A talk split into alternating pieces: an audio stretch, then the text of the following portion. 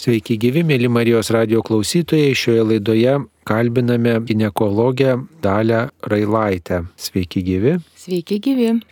Taigi šios laidos tema te bus skaistumas šeimoje, skaistumas tarp žmonių. Paprastai, kai kalbame apie skaistumą, tai įprasta sakyti, kad tai yra na, susilaikimas, lytinių santykių neturėjimas ir tai daugiau taikoma žmonėms, kurie yra nevedę pagal bažnyčios mokymą, tai yra tikrai tokia labai reikalinga darybė arba tiems, kurie pažadėję visą gyvenimą laikytis tokio gyvenimo būdo, atsisakyti lytinių santykių, neturėti šeimos, kunigai, vienuoliai, atrodo tik tai jiems ir nevedusiems tas skaistumas reikalingas. O kai kalbame apie skaistumą šeimoje, ką turime galvoje, į ką reikėtų atkreipti dėmesį.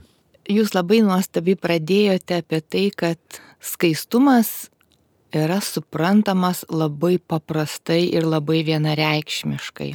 Aš tai daug kartų esu pagalvojus, kad toks tas žodis gilus ir tikrai labai prasmingas ir gražus skaistumas šiuo metu yra be galo nuvertintas, turbūt netgi tokį ironišką kažkokį tokį įgavęs atspalvį kad jeigu vat, pasakyti apie kažką tai, kad žmogus yra skaistus arba gyvena skaiščiai, tai lik ir rodytų kažkokį tai jo gal davatkiškumą, tokį vienpusiškumą, labai tokį. Tai man atrodo, kad viskas tikrai prasideda nuo sampratos, kaip mes suprantam šitą žodį. Ir skaistumas tai yra savybė žmogaus gyvenimo būdas, turbūt reikėtų pasakyti, visai nepriklausomai nuo to, kas jisai yra - šeimos žmogus, vyras, žmona, pašvestasis ar šiaip gyvenantis vienišą gyvenimą. Todėl, kad skaistumas realiai apima ne vien tik tai tai, kaip mes elgiame su savo kūnu, bet ir mūsų visą požiūrį į tai, kas yra aplinkoje, kas yra akiai, ausiai ir širdžiai švaru. Tai turbūt nuo to tokio kūno skaistumo, ar ne, kurio taip pat mes negalim suprasti kaip vien tik tai lytiniai santykiai. Nors aišku, turbūt tai jau būtų nu, sakykime, turbūt paskutinis taškas, ar ne, ta lytinė sueitis. Ir Dievas, kurdamas žmogų, ypatingai kurdamas moterį, turbūt pramatė tą momentą, kad būtent intimusis vyro ir moters susijungimas, kai du tampa vienu kūnu, iš tiesų yra su tam tikromis kliūtimis, ypač moteriai, nes jinai jau taip yra Dievo sutverta, kad pirmasis vyras, kurį jinai pažįsta, palieka jos gyvenime amžiną žymę, jinai jau po pirmosios sueities iš tiesų niekada nebebus tokia kaip iki jos. Tai yra kūne ir turbūt tai yra labai prasmingai, ypatingai šiais laikais, kai yra tiek pavojų tam pačiam kūnui per intimų bendravimą sirgti sirgti ir užsikrėsti įvairiomis lygomis, kurios vėliau gali sąlygoti ir vaisingumo sutrikimus, ir, ir negi onkologinės lygas. Tai iš tiesų šitas dalykas, pat iš tokios medicininės pozicijos, tas kūno skaistumas, kaip mes suprantam tą intimų į patį, e, labiausiai žmonių suprantama, tai lytinius santykius, va, susilaikimas ir, ir buvimas, gyvenimas skaistume, iš tikrųjų yra labai svarbus. Bet turbūt nereikėtų tai suprasti vien tik tai kaip tą intimumą, kai du tampa vienu kūnu, nes skaistumas turbūt pirmiausiai prasideda nuo minčių, ar ne? Nuo minčių, kokios tos mūsų yra mintis ir kaip mes suprantame, kas tai yra, kas tai yra skaistu. Tai įmintis skaistumas arba kaip sakykime, jo priešingas dalykas nuodėmė gašlumas, ar ne, ateina per mūsų aplinką, per tą, kame mes gyvename. Ir šiai dienai tiek žmonėms gyvenantiems šeimoje, santokoje, gyvenantiem pasižadėjusi sakramentinį skaistumą, tiek visiems kitiem, kurie dar nesulaukė šito amžiaus arba, sakykime, gyvena be įsipareigojimo būti skaistiems, realiai yra pakankamai daug pavojų, nes mes matome, kad aplinka visokiais būdais stengiasi žmogui įteikti, kad skaistumas jokia forma, pradedant nuo minčių skaistumo, nuo žodžių skaistumo, nuo prisilietimų, nuo žvilgsnių skaistumo, iki pat kūno skaistumo, yra visiškai nu, nevertintinas ir nestatomas jokius rėmus. Tiesiog taip, kaip tu nori, taip, kaip tau patinka, kad kuo daugiau šitame gyvenime patirti malonumo. Tai malonumas turbūt tą skaistumo temą, skaistumo tą patirtį na, nori išbraukti ir nurungia turbūt žmogaus gyvenime ir šeimoje, turbūt ir vienišo žmogaus keli, ir draugystėje. Bet jeigu dar grįžtume prie to tokio apibendrinimo, apibūdinimo, kas būtų skaistumas šeimoje, tai galbūt galima tai pasakyti, kad tai yra pagarba žmogui, pagarba savo, pagarba kitam, pagarba tam žmogui, su kuriuo priimtas santokos sakramentas reglamentas ir pagarba net ir tiems žmonėms, kurie yra sutinkami gyvenimo kelyje. Pagarba kūnui, pagarba istorijai to žmogaus, ar galima būtų taip apibendrintai pasakyti, kad skaistumas tai yra pagarba žmogaus kūnui, žmogaus asmeniu, jo istorijai. Manau, kad taip, apibendrintai galima pasakyti, kad skaistumas tai yra pagarba žmogui sukurtam pagal Dievo paveikslą ir panašumą, ar ne, Dievo mylimam ir kuris, kuris iš tiesų pačio Dievo yra mylimas ir gerbiamas kaip laisvas pasirinkimas to žmogaus. Tai vad vėlgi šitoje situacijoje pagarba žmogaus mintims, pagarba žmogaus darbams, jo galų galę tam ir malonumo poreikiu, ar ne? Nes mes turbūt gana dažnai susidurėme su tokiom idėjom, tokiom mintim, kad žmonės, na, tiesiog kaip ir privalo tenkinti poreikius vienas kito intimius šeimoje ir kad kažkas vat liktai ir yra tokio nu, susilaikime atsižvelgiant į kito žmogaus poreikius arba, arba galų galia ir į tą gyvybės ateimą, ar ne, yra kažkas tai tokio, kas labai sunkiai realizuojama ir netgi nu, nelabai ir prasminga. Ir gana dažnai ypatingai vyresnės moteris turbūt patiria tą nepagarbą jų poreikiui, būti ar nebūti intimiam ryšyje.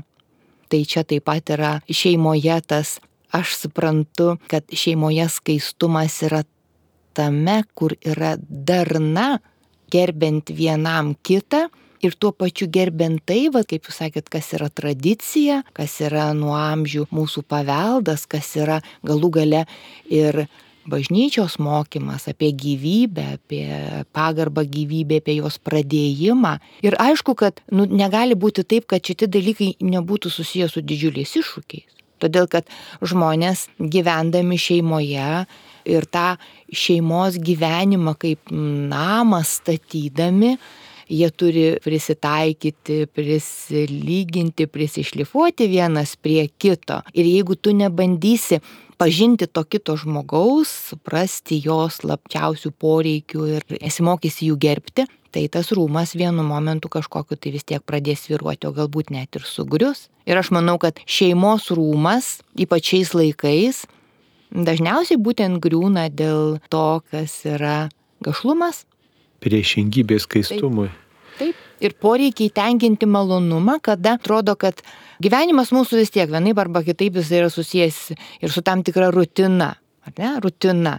Ir visi turbūt, ar mes esam šeimoje gyvenantys žmonės, ar mes esam vieniši, ar mes esam pašvestieji, visi turbūt esam susitikę su tuo gyvenimo momentu, kai viskas, kas vyksta aplink tave, jau tau nusibodo pradeda erzinti netgi, ar ne? Erzinti tai, ką tu darai, erzinti tai, ką kiti daro. Tai tokios tos mintis, kad čia viskas galbūt ir neprasminga yra, kad galbūt kažkaip kitaip tas gyvenimas turėjo dėliotis. Tai mes visi su tuo esam susidūrę, su vienaip arba kitaip daugiau ar mažiau, aštriau ar lengviau, su ta tokia, sakykime, atslenkančia neviltim, kad kažkas ne taip tame mūsų gyvenime.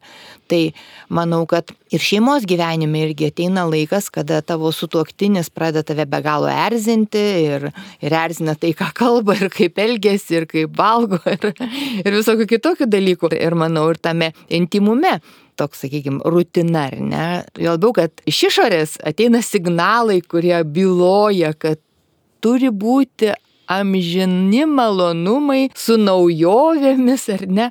Ir sako, nieko savo nedrausk, nieko savo neribok, ieškok vis naujų pojūčių. Tai čia yra labai pražutinga. Gerai, jeigu žmonės kažkaip gyvenime va, susiderina šituose visuose dalykuose, bet jeigu kartais reikia kažkam vienam nusileisti, ištverti, o turbūt, kad visada reikia, ištverti tai, kas tau nepatinka arba kas tau nusibodo. Tai manau, kad šitoje situacijoje turbūt mes labiausiai eisime link tiesos, kada apskritai galvosim, kad žmogus skaistus turi būti nepriklausomai nuo to, kokią visuomeniai ar bažnyčioj padėtį jisai užima. Ir pirmiausia jisai turi kaip ir suprasti, suvokti, kas tas skaistumas yra, žinoti, kur yra pavojai ir žinoti, kaip tų pavojų, sakykime, vengti, nes aš nežinau, kunigė, kaip jūs galvojate, bet man atrodo, kad žmonėje, vad kaip toks vienas kūnas, ritasi kažkur nevaldomų greičių žemyn ir daugiausiai čia įtakoja vat, būtent ta gašlumo nuodėmė, kuri, kuri dabar jau pradeda nu, pasiekti tokius anksčiau net nesuvoktus dalykus, nesuvoktas savokas, nesuvoktas situacijas. Man kažkaip labai prisimena Vat iš Fatimos Marijos apsireiškimo, seniau dar esu skaičius ir labai branginu tokią turiu smetonos laikų knygelę apie būtent Fatimos apsireiškimus ir ten yra aprašytas Jacintos mergaitės, kuri mirė maža gyvenimas ir tas jos paskutinės dienos, kada Marija vėlgi ją lankydavo ir būtent jinai išnekėdavo su motinėlė tos prieglaudos, kurioje jinai, jinai sirgo ir gulėjo ten Lisabonoje, sakė, kad daugiausiai sielų nusideda ir žūsta per būtent per neskaistumo nuodėmę. Tai atrodo, kad ir dabar tai yra taip, nu, taip progresuojančiai akivaizdu ir tiek griūčių ir šeimoje, ir, ir aplinkui vyksta. Ir tiem jauniems žmonėms yra labai labai sunku susigaudyti, o vis dėlto skaistumas vertybė yra, ar jau kažkokia tai atgyvena skaistumas išlieka kaip darybė ir kaip vertybė, bet kaip reikėtų iš tiesų tam jaunam žmogui ir vyresniam tą darybę ir vertybę pasirinkti, kai aplinkui tiek daug tų balsų, kurie kalba, jog tai yra atgyvena, kad tai yra nemadinga, kad vat, kūnas patrauklu, kad varto, kad pasirūpink savo savijautą gerą, kad malonumą patirtum va, ir kad čia visi taip daro, žodžiu, tokia yra tas spaudimas, ta vertybė, ta nuostata, ta pagarba žmogui žmogui kažkur nustumti šalį ir, ir pabrėžiamas tas kūno kultas, ypatingai dabar nuogo kūno tas grožis. Ir tada tas skaistumas tampa toks tarsi iš praeito amžiaus ir dabar jis nepopuliarus. Tai kaip žmogui vis dėlto susigražinti tą, nu, va, tą tokį pagarbų santyki, pagarbų žvilgsnį į save, į kitą, į sutuoktinį ir bendrai į sutiktų žmonės, kurie kartais save taip eksponuoja, išstato ir savotiškai tas skaistumas tampa tikrai tarsi praeitis. Man atrodo, kad pirmiausiai ypatingai žmonėms, kurie yra linkę svarstyti, vertinti, protauti ir proto jėgomis vat kažkaip statyti tą supratimą, tai mes galime, na, tiesiog pasakyti, kad reikia žiūrėti į vaisius. Reikia žiūrėti, kokie vaisiai yra vat šitos tendencijos nuvertinti skaistumą. Nu, ir mes labai akivaizdžiai matom šeimoje, ar ne, kas tai yra. Tai yra santykių griūtis, tai yra skirybos, tai yra vaikai augantis nedarniosne šeimose, tai yra žmonių, sakykime, neviltis, nusivylimas, gilios žaizdos, tos, kurias palieka sutoktiniai vieni kitiems, kuomet jie iš tiesų puolai tą gašlumo nuodėmę. Ir vaikai, kurie vėlgi Taip galima jaunam žmogui įdėkti kažkaip tą, išugdyti tą skaistumo darybę, jeigu šeimoje nėra pavyzdžio. Yra labai sunku. Nes vis tiek viskas prasideda nuo šeimos.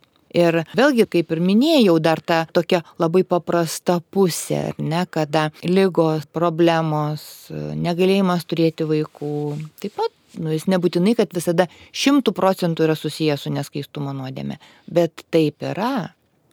Ir jeigu dabar vėl pasižiūrėtumėm į tai, kokius žmogaus, tarkim, sielai žmogaus palieka išdavystė, neištikimybė, galų gale, jeigu pažiūrėtumėm, ką neša vat, jaunimo tarpe tas toksai požiūris, kad lytiniai santykiai tai yra tiesiog, na, kaip viena iš tokių paprastų malonumo dalių, kurių jokių būdų nereikėtų vengti ir kad turi teisę tenkinti šitą malonumą nelabai atsižvelgiant, kad jis yra iš pradžių skirtas pradėti santokoje, ar ne? Tai man tikrai tenka susitikti su jauno moterim, kurios yra turėjusios ne vieną mes kaip sakom partnerį ar ne, turėjusius intimius santykius ne su vienu žmogumi ir tai yra liūdėsys ir visokiausias be sveikato sutrikimų, be hormoninių sutrikimų, liūdėsys ir tokia kaip ir neviltis.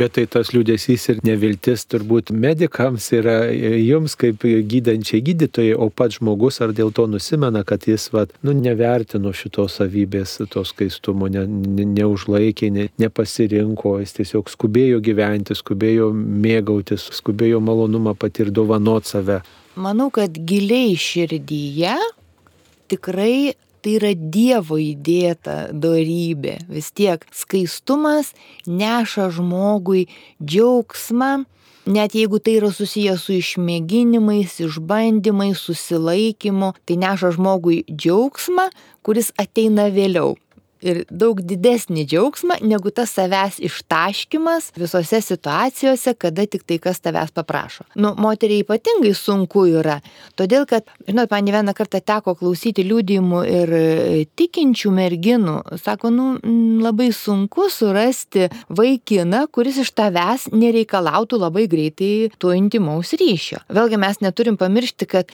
vis dėlto tas kūnas tai yra ir tame kūne yra įdėta tai, kad kyla jausmai, kyla geismas ir tas geismas, jeigu žmonės laiku nepasako stop, tai paskui tą geismą yra labai sunku suvaldyti. Taip, čia kaip nuo kalno rėdėtum. Taip, taip, ir tas yra, va tai būtent tas viskas ir prasideda nuo, nuo tos pasaulyje žiūros.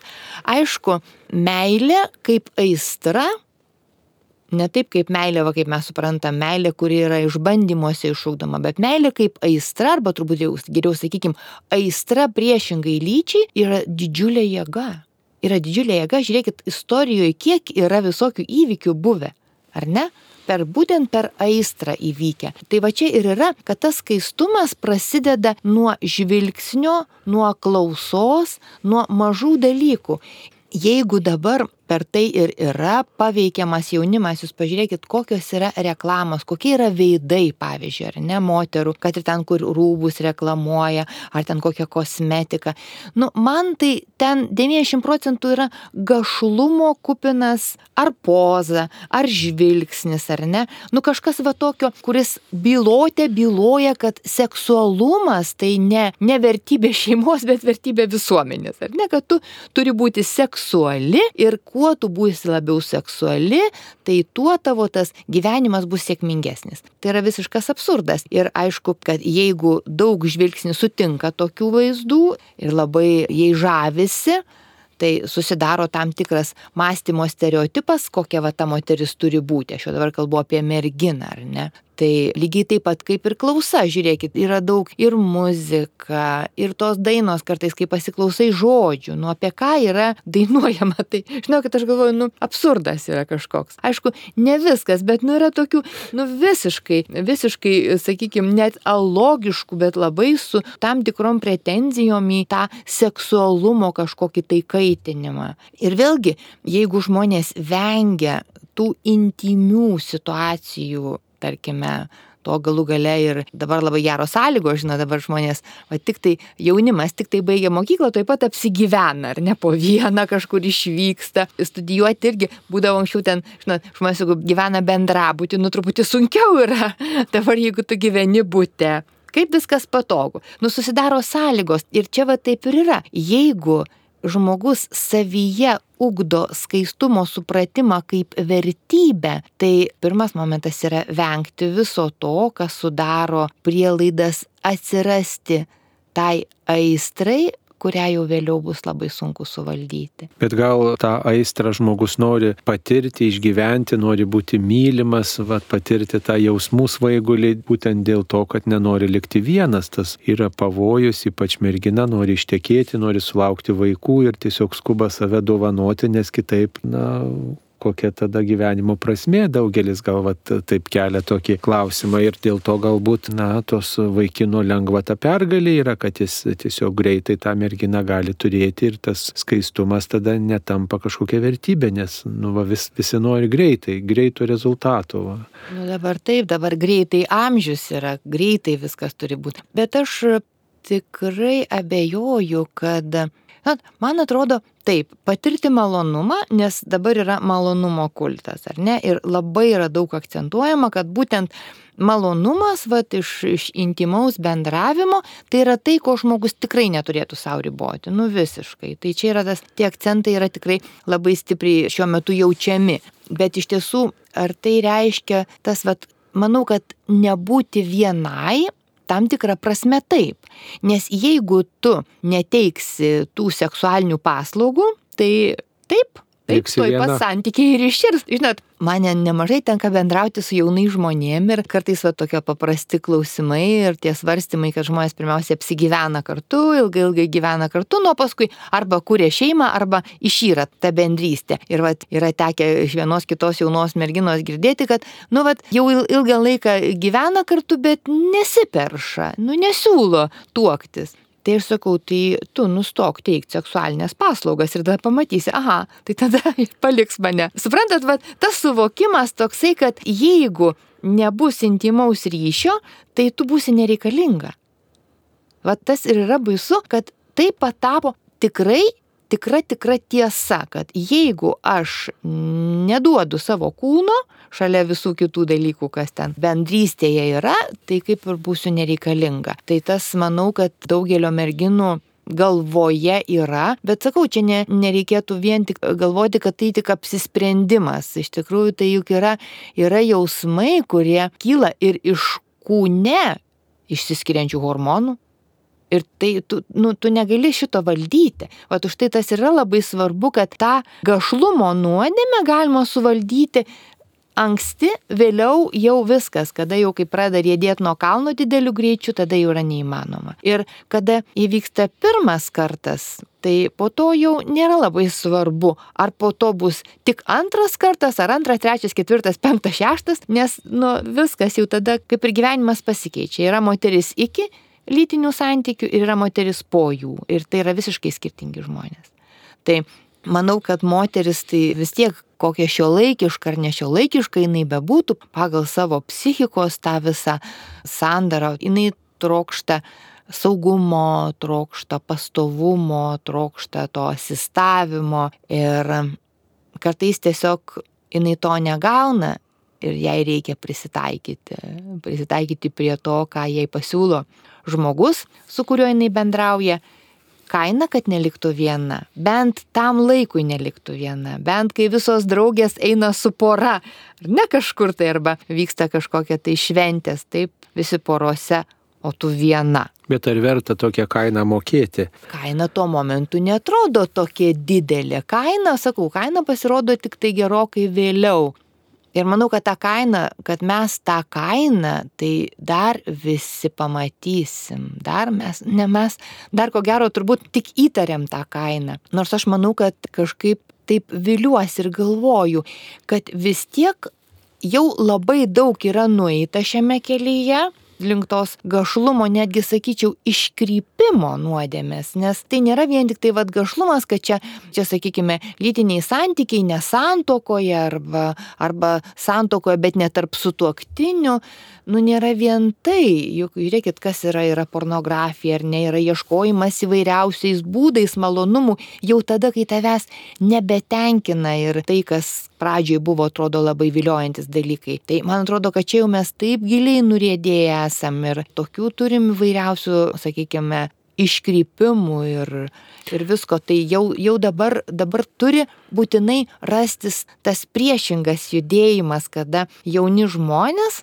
pradeda kelti patys skaistumą kaip vertybę ir, ir jo ieškoti, net nepriklausomai nuo to, ar tu ją dar turi, sakykime, ar tu ją praradai, bet vat, supranti, kad tai yra vertybė, nes tai turi kilti vis dėlto ne iš tų žmonių, kaip aš, ne iš pagyvenusių, kurių gali papasakot vienokias arba kitokias įžvalgas. Tai turi kilti iš jaunų žmonių tas suvokimas, supratimas, kad skaistumas yra be galo didelė vertybė, kad tai yra Dievo mums duota darybė, kuri garantuoja tau tą šviesą gyvenime ir tokį, tą tokį net nežinau, kaip, dabar, kaip čia dabar teisingai išsireikšti tą tokį dovaną, kurią vat, paskui žmogus gali pakuoti, pakuoti ir tame nėra galo ir atsigręžęs atgal, svarbiausia, ko jis nemato jokio kartėlio. Nes visos, visos tos neskaistumo, visi tie pasireiškimai ir tas polimas į gašlumo nuodėmę,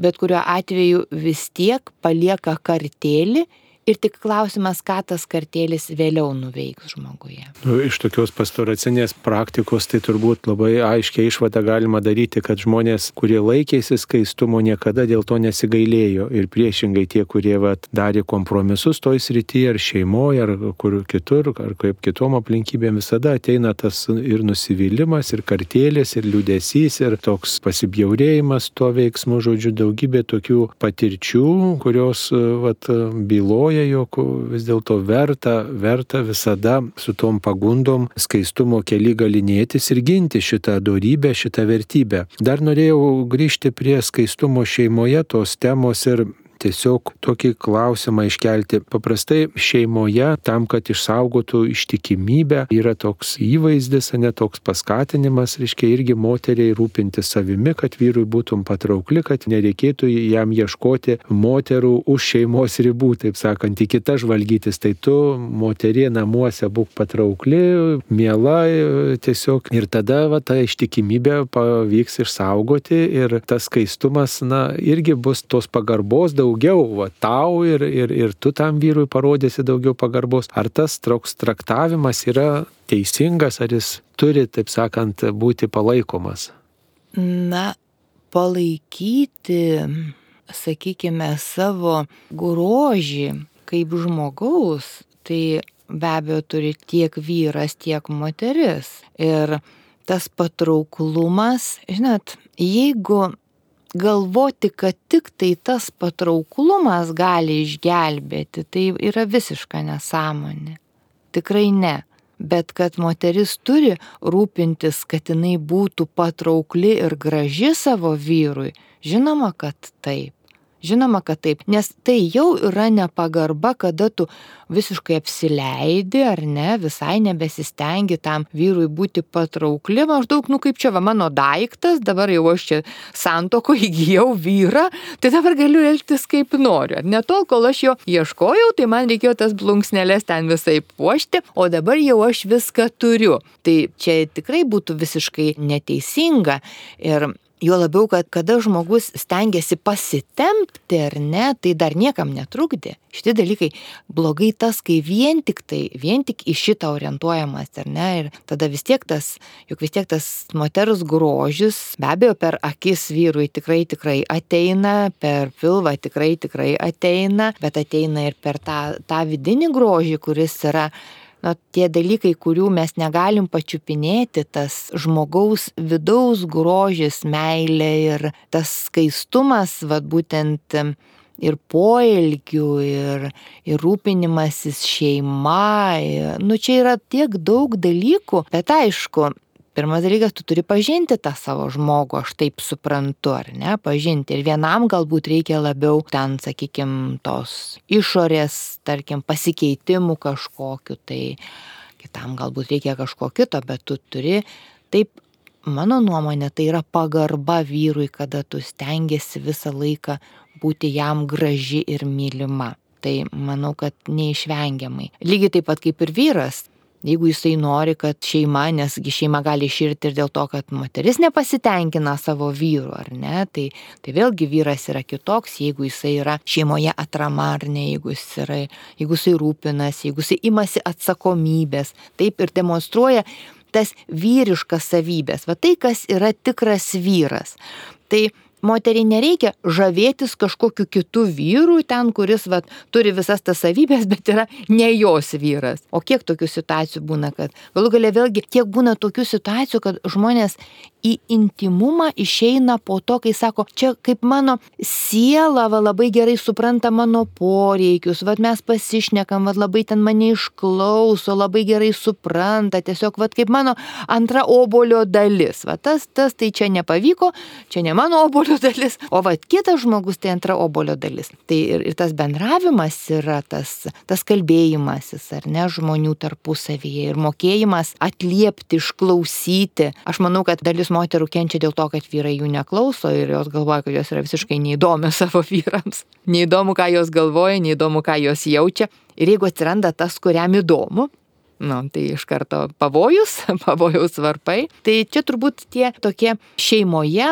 suprantu, kad yra tos tokios nerašytos pareigos, ar ne? nerašytos pareigos, kurios per amžių amžius buvo. Moteris turi būti patraukli, turi būti švelni, rūpestinga, gera, dėmesinga, kantri, nu daug tų savybių. Vyras turi būti atrama, jis turi būti vyriškas, jisai turi imtis atsakomybės, turi vėlgi stengtis aprūpinti šeimą, tuo pačiu vėlgi jisai turi atliepti moters tos sielos poreikius ar ne jos draugystės, ne vien tik tai kaip meilės intimios, bet ir draugystės šeimoje poreikius. Tai čia kyla dideli reikalavimai. Bet žinokit, aš esu vyresnių moterų gydytoja, nu daug taip jau susiklostė gyvenimas, kad daugiau man tenka. Ir kaip būna gera, kada išgirsti iš tų vyresnių moterų po tokias tas šeimos istorijas, tokias gal kartais išsakytas tik tai kokiais dviem sakiniais, kad mes su vyru nugyvenom tobulą gyvenimą arba kad mano vyras buvo nuostabus. Tai, žinot, kažkaip va tada jau, kai gyvenimo saulėlydį žmonės taip sako, tai tu supranti, kad tikrai ta šeima, jinai yra be galo didelė vertybė ir, ir tada tas, va, žmogaus akių šviesa ir požiūris į gyvenimą, kada tavo šeimos gyvenimas gražiai susiklosti. Ir paprastai tai ištikimybė čia yra vienas iš pačių svarbiausių dalykų. Bet aišku, susitikat ir su daugybė žmonių, kuriems nepavyko išsaugoti ir tos pagarbos kitam žmogui, ir tos pagarbos nesulaukė iš kito žmogaus ir kažkur suklupo. Taip, be abejo, kad tai būna. Tai kaip reikėtų vat, susigražinti, kaip sakant, tą pagarbą kitam, pagarbą savo, kaip sakyt, kaip sugražinti tą skaistų žvilgsnį, aiškiai, galbūt po daugybės nuopolių, po daugybės tokių praradimų, ne, po nes nusisekusio va tokio gyvenimo, ar įmanoma kažkaip pakilti. Žinoma, žinoma, prie Kristaus kryžiaus stovėjo Marija Magdalietė, taip, iš jos išvaryti septyni demonai, ar ne? Tai vėlgi, va, tai yra malda, tai yra tikėjimas, tai yra malda ir, ir Dievas gali pakelti tiek vyrą, tiek moterį iš tokio gilaus nuopolio, iš tokios gilios nuodėmės, iš tokio purvo ir istorijoje daugybė, ir šventam rašte, bet ir istorijoje daugybė, ir gyvenime daugybė dalykų. Ir baisiausias dalykas yra tai, jeigu mes puolę nebenorim keltis jeigu maudomės toj nevilty, o kartais galbūt net myluojam tą savo nuodėmę, tą savo neviltį, tai malda ir tikėjimas iš tiesų, kad Dievas yra gailestingas ir kad Dievas leidžia žmogui pulti, leidžia kartais pulti labai žemai. Ir vėlgi visada ragina keltis. Ir tą, kuris ten tą keulių jovalą prašvilpęs visą turtą valgo ir galų gale supranta, kad ne, eisiu pas tėvą, tėvas pasitinka glėbiu, išskleistu su meilė, pamiršęs viską, kas buvo. Ir blogiausia, vad būtent, sakykime, žmonėm, ypač tie, kurie neturi skaistumo tokio jau galbūt ir puoselėjimo poreikio, ar ne, ir patiria gundimą teisti kitus, kurie įkrenta ir, ir kurie elgesi vienaip arba kitaip neskaičiai. Aš manau, kad tie teisintieji, kurie suraukia kaktas visą laiką labai daug kalba apie tai, kaip čia tas jaunimas elgesi ir žmonės elgesi, jie taip pat dalis iš jų tą daro iš gašlumo. Nes, nu, jeigu tu matai tas blogybės, tai yra vienintelis dalykas malda. Tai pakilti iš bet kokios situacijos, iš bet kokios nuodėmės, iš bet kokio sudaužyto gyvenimo mus kviečia, mus kviečia Jėzus. Ir Jėzus gailestingumas ir bet kokiam nusidėjėliui, jeigu tik jisai keliasi ir prašo, jisai yra visada aprengiamas naujų rūbų. Ir čia viskas priklauso nuo to, kiek mes patikim, kiek mes patikim, kad Dievas mus myli, kad Jisai žino, kad mes esame iš dulkių, kad iš tiesų tas mūsų nupuolimas gilus Dievui yra suprantamas ir Jisai trokšta ir turbūt sakau, leidžia mums kartais pulti ir kviečia, kad mes eitumėm artin prie Jo.